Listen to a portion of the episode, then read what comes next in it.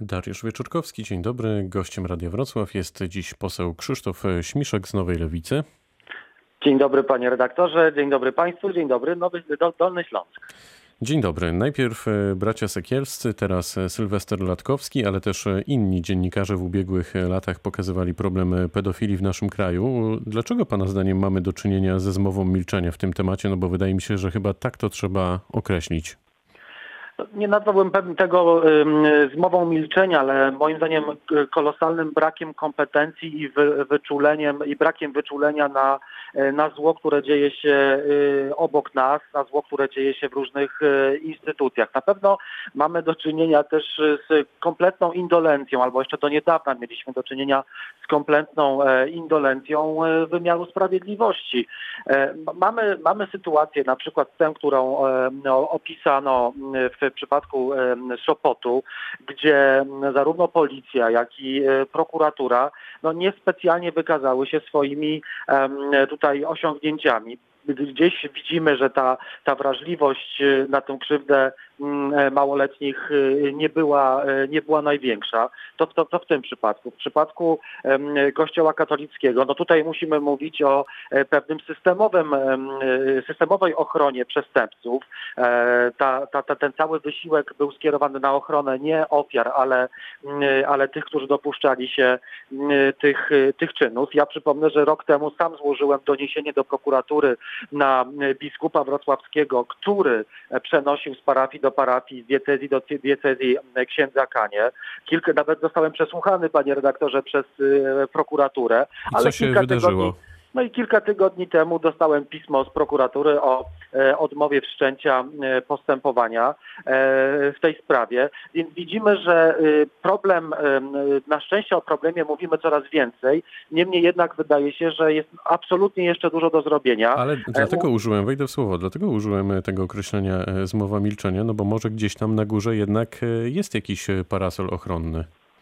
Ja parasol ochronny, panie redaktorze, widzę przede wszystkim w, na, styku, e, na styku Kościoła i, i państwa w kontekście przestępstw pedofilskich, bo jak to jest, przecież w normalnym państwie nie może dziać się, dziać, dziać się takie, nie mogą się dziać takie rzeczy, że arcybiskup czy biskup żąda dokumentów od prokuratury i ta, ta jemu e, przekazuje. Z tym mieliśmy do czynienia, prawda, to było pokazane na, na filmie e, braci Sekielskich. Jak to jest, że biskup biskup podejmuje mm, y, y, wiadomości o tym, czy, czy dostaje wiadomości o tym, że podległy mu ksiądz robi takie, takie rzeczy, a on nie przychodzi mu do głowy, żeby od razu zadzwonić na policję, czy złożyć doniesienie do prokuratury, tylko wszczyna wewnętrzne postępowanie i przenosi księdza na, e, na inną parafię, czy do innej diecezji. Czy no, niewątpliwie, sobie... Tak, niewątpliwie jest e, sporo do zrobienia, ale moglibyśmy Absolutnie. o tym mówić i mówić. Pędzimy dalej. E, czy Agnieszka Dziemianowicz-Bąk ma pomóc Robertowi Biedroniowi w walce o prezydenturę? Tak, pani posłanka Dziemianowicz-Bąk z Wrocławia, która jest Wrocławiowi dobrze i Dolnemu Śląskowi dobrze znana. Kilka dni temu została współszefową sztabu Roberta Biedronia razem z posłem e, Tomaszem Trelą i ten tandem, ten duet e, ma poprowadzić Roberta Biedronia, kandydata lewicy, e, do zwycięstwa. Jestem przekonany, że akurat na Dolnym Śląsku ten wynik będzie bardzo dobry, bo mamy swoje badania, które pokazują, że Robert Biedroń akurat na Dolnym Śląsku ma, ma świetne, świetne wyniki, ale oczywiście ta, e, dołączenie, uzupełnienie składu sztabu jest podyktowane nowym otwarciem. Włodzimierz e... Czarzasty powiedział, że kampania Roberta Biedronia jest do poprawy. Co chcecie poprawić? No i chyba najważniejsze pytanie, czy zdążycie? Absolutnie zdążymy i absolutnie zawsze wszystko, wszędzie jest, y, można zrobić coś lepiej i coś jest y, do poprawy. No, y, wchodzimy zupełnie w nowy etap, dlatego że wyszliśmy wreszcie z domów. Ludzie poszli do pracy, uczniowie zaraz idą do szkół, a te, te obostrzenia sanitarne są e, luzowane, więc wracamy do tego, w czym Robert Biedroń jest świetny i w czym przed pandemią także Dolny Śląsk zobaczył, czyli te świetne spotkania z setkami ludzi, którzy przychodzili e, e, na spotkania z Robertem Biedroniem, kandydatem Lewicy, czyli na przykład spotkanie w Lubinie, czy spotkanie w Bolesławcu, na którym były tłumy jeszcze kilka tygodni temu. Więc Robert Biedroń wraca na ulicę, Robert Biedroń wraca do rozmowy z Polakami, z Polkami. Wczoraj był na Śląsku, rozmawiał z rodzinami górniczymi, e, rozmawiał z pracownikami DPS-u, spotykał się z ciężko pracującymi drobnymi przedsiębiorcami już o 6 rano, rozdawał kawę i słuchał, bo Robert Biedroń najlepszy jest w słuchaniu, więc y, to zapytam to inaczej, otwarcie... panie pośle. A narzucicie e, własną narrację? No bo na razie Rafał Trzaskowski od kilku dni wiedzie prymy w mediach. To jest e, w sumie chyba zrozumiałe nawet, no bo e, pojawiło się coś nowego w tej kampanii. No oczywiście, że tak. Zawsze jak się ktoś pojawia nowe, to jest zainteresowanie. Kilka tygodni temu to zainteresowanie było wokół Szymona Hołowni już spada. Jakiś czas temu dobrze, dobrze zapowiadał się Władysław Kosiniak-Kamysz, też mu spada. Ale Lewica jest stabilna i mówi o kilku najważniejszych sprawach. Po pierwsze, silna Polska w Europie, bo przecież prezydent odpowiada także za politykę zagraniczną. Polska, która nikogo nie wyklucza, świetny program Roberta Biedronia, milion, budowy miliona mieszkań, tanich mieszkań na, wy, na wynajem. Dlaczego? Dlatego, że skandalem w XXI wieku w środku Europy jest to, że milion Polaków nie ma e, mieszkania, w którym jest łazienka. A skąd prezydent weźmie na to pieniądze, na te mieszkania? No, panie redaktorze, jeśli popatrzymy sobie na to, jak, jak trwonione są pieniądze w Polsce na niepotrzebne projekty, proszę sobie wyobrazić, że dalej mamy w planie budowę centralnego portu komunikacyjnego za 35 miliardów złotych. Komu jest potrzebny taki gigant, taka gigantyczna e, inwestycja? To są kwestie, to są, e, to jest na przykład podniesienie podatku dla wielkich firm e, cyfrowych. Jak to jest, że pani fryzjerka czy pan mechanik płaci e, uczciwie podatki, a wielkie firmy cyfrowe tego podatku e, nie płacą. Więc szukajmy pieniędzy u bogatych i u, tych, u tłustych kotów, a zostawmy w spokoju tych, którzy ciężko, e, ciężko pracują. Ale Robert Biedroń to jest tak, że to, to jest też dla Dolnoślązaków bardzo, bardzo ważne. To jest osoba, która zawsze walczyła o równość, zawsze walczyła o wolność. Dzisiaj spotka się z artystami, którzy zostali ukarani za demonstrację pod radiową trójką. Dzisiaj będziemy walczyć o, o wolne media.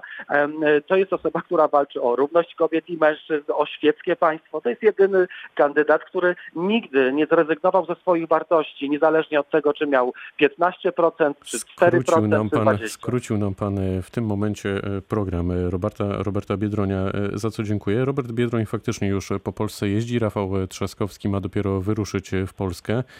Andrzej Duda również pojawia się mm, w naszym kraju. Myśli pan, że powinno raz jeszcze dojść e, do debaty wszystkich kandydatów?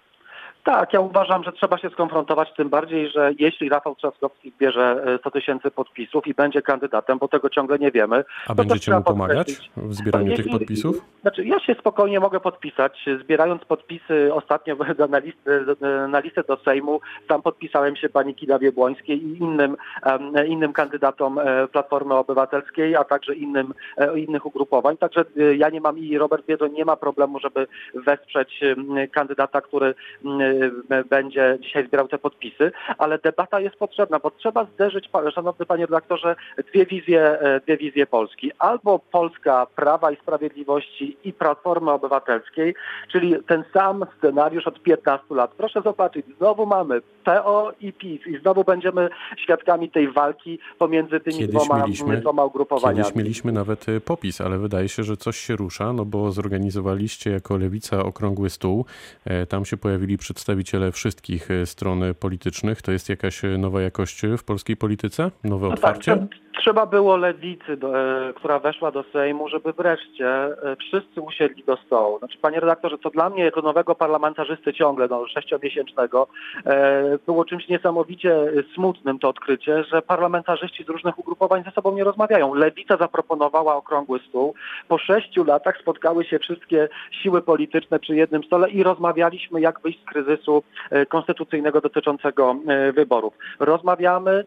Dzisiaj ustawa jest zorganizowaliśmy drugi okrągły stół w Senacie. Dzisiaj ustawa jest dyskutowana w Senacie i w przyszłym tygodniu prawdopodobnie Senat wypuści ustawę do Sejmu. W przyszłym tygodniu Sejm przyjmie ustawę i wreszcie można normalnie prowadzić kampanię i wyłaniać e, kandydatów. Nie może być tak, że na pięć tygodni przed wyborami my ciągle nie wiemy, kiedy dokładnie będą wybory. Nie A myśli pan, być że tak. wybierzemy głowę państwa 28 czerwca właśnie? No, Wszystkie znaki na ziemi i na niebie wskazują, że Prawo i Sprawiedliwość jest zdeterminowane, żeby 28 czerwca przeprowadzić te Czy wybory. to jest dobry termin dla lewicy? No, Panie redaktorze, my już, to, nie, to nie zależy od opozycji. Akurat tę kwestię ma w kompetencjach tylko i Prawo i Sprawiedliwość, bo oni y, y, mogą wyznaczyć, ma, mają większość i mogą wyznaczyć tę datę. Więc czy to będzie 5 lipca, czy 12 lipca, Robert Biedroń jest gotowy, jest w blokach startowych, a właściwie już z tych bloków startowych wyruszył. Spotyka się z Polkami i Polakami i czy 28 czerwca, czy 5 lipca Robert Biedroń walczy o jak e, najlepszy wynik, ale trzeba powiedzieć sobie jedną rzecz. To było coś nienormalnego, że 10 maja nie odbyły się wybory i nikt nie jest w stanie powiedzieć, kto te wybory e, odwołał i dlaczego, ich nie ma. To jest plama na naszej historii, ona już zawsze zostanie narodową traumą, ale idziemy do przodu. Lewica patrzy do przodu e, i walczymy o jak najlepszy wynik z dobrym programem, z dobrym, energicznym, fajnym chłopakiem z Krosta, którym jest Robert Biedroń. E, To na koniec, panie pośle, czy te wybory prezydenckie zmienią krajobraz polityczny w naszym kraju bez względu na to, który z kandydatów e, by te wybory wygrał? Jestem przekonany, że Prawo i Sprawiedliwość i widzę to na co dzień w parlamencie weszło w ten syndrom drugiej kadencji, czyli tego lenistwa, tego gnicia od wewnątrz, tego, tych wewnętrznych walk. Przechodzą potężne turbulencje i potężne kłopoty. Nie mogą się ze sobą dogadać. Widzimy, że e, no, takim przykładem sztandarowym jest to, że nie potrafili zorganizować wyborów. Święta demokracji. No, ta plama zostanie e, e, na tej formacji już na zawsze i widać, że pan prezydent Duda staje się tylko no takim powiedziałbym e, e, no, wykonawcą poleceń e, Nowogrodzkiej.